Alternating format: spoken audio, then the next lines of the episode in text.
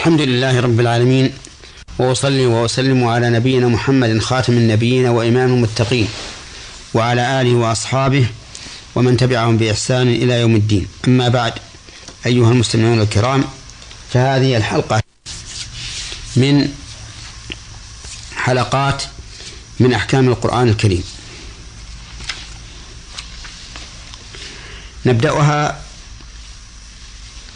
بالكلام على آخر الآية الكريمة. هي قوله تعالى أحل لكم ليلة الصيام الرفث إلى نسائكم هن لباس لكم وأنتم لباس لهن. إلى قوله كذلك يبين الله آياته للناس لعلهم يتقون. تكلمنا فيها إلى قوله تعالى وأنتم عاكفون في المساجد. وبينا أن المراد بالمساجد العموم. وأن ما روي عن حذيفة رضي الله عنه عن النبي صلى الله عليه وعلى آله وسلم أن المراد به أن أنه لا اعتكاف إلا في المساجد الثلاثة ضعيف وأنه إن صح فالمراد الاعتكاف التام. ومن فوائد الآية وأحكامها أن الله سبحانه وتعالى حد لعباده حدودا. ونهاهم عن قربانها إذا كانت من المحرمات. لقوله تلك حدود الله فلا تقربوها.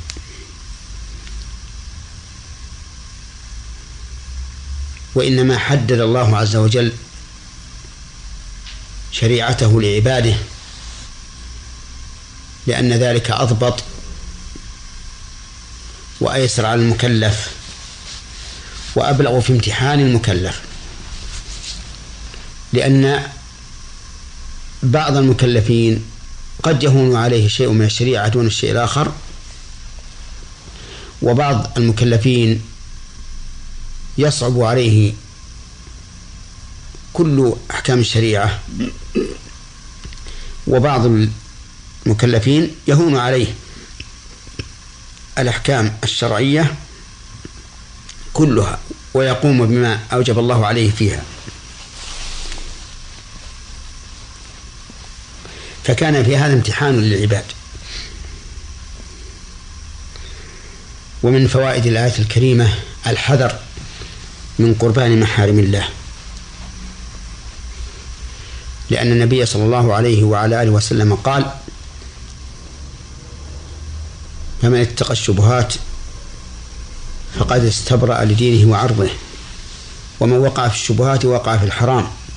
كالراعي يرعى حول الحمى يوشك يوشك أن يقع فيه. ومنها أي من فوائدها وأحكامها أن في الآية إشارة إلى أن الإنسان لا يكلف قبل العلم. وعلى هذا لا تقوم الحجة عليه. إلا بعد العلم بالحجة.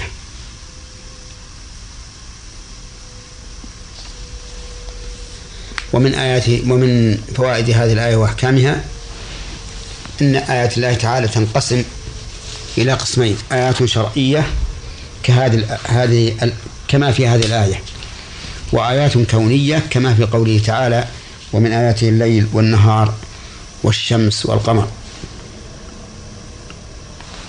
ومن فوائد الآية الكريمة عظم شأن التقوى حيث جعلها الله تعالى غاية لبيانه, لبيانه لعباده لقوله تعالى لعلهم يتقون. ومن فوائد الآية وأحكامها جواز النسخ في الشريعة والنسخ هو رفع حكم النص أو لفظه بدليل. ووجهه من الآية أن الله تعالى أباح لعباده مباشرة النساء بالجماع وما دونه والأكل والشرب والشرب حتى يتبين لهم الخيط الأبيض من الخيط الأسود من الفجر بعد أن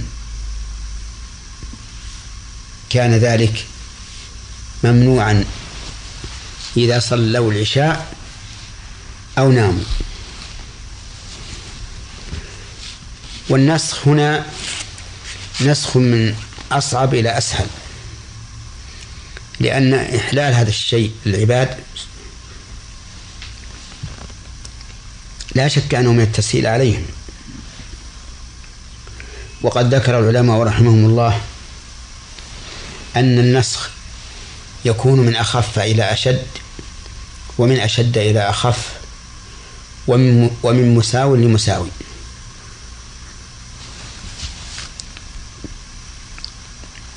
فمثاله من الأخف إلى الأشد أن أن الله تعالى نسخ التخيير بين الصوم والفطر مع الإطعام ثم عين الصيام.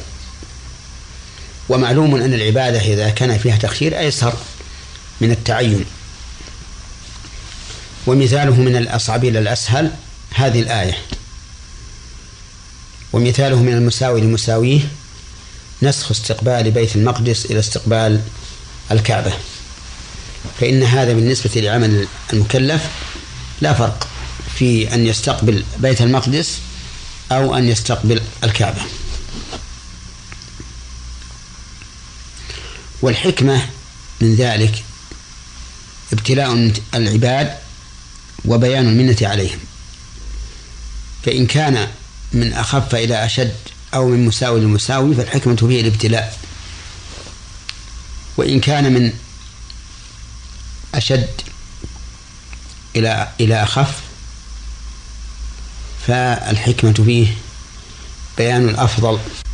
إن كان من أشد إلى أخف فالحكمة فيه بيان فضل الله عز وجل على العباد حيث خفف عنهم. وإلى هنا تنتهي هذه الحلقة وإلى لقاء قادم إن شاء الله تعالى.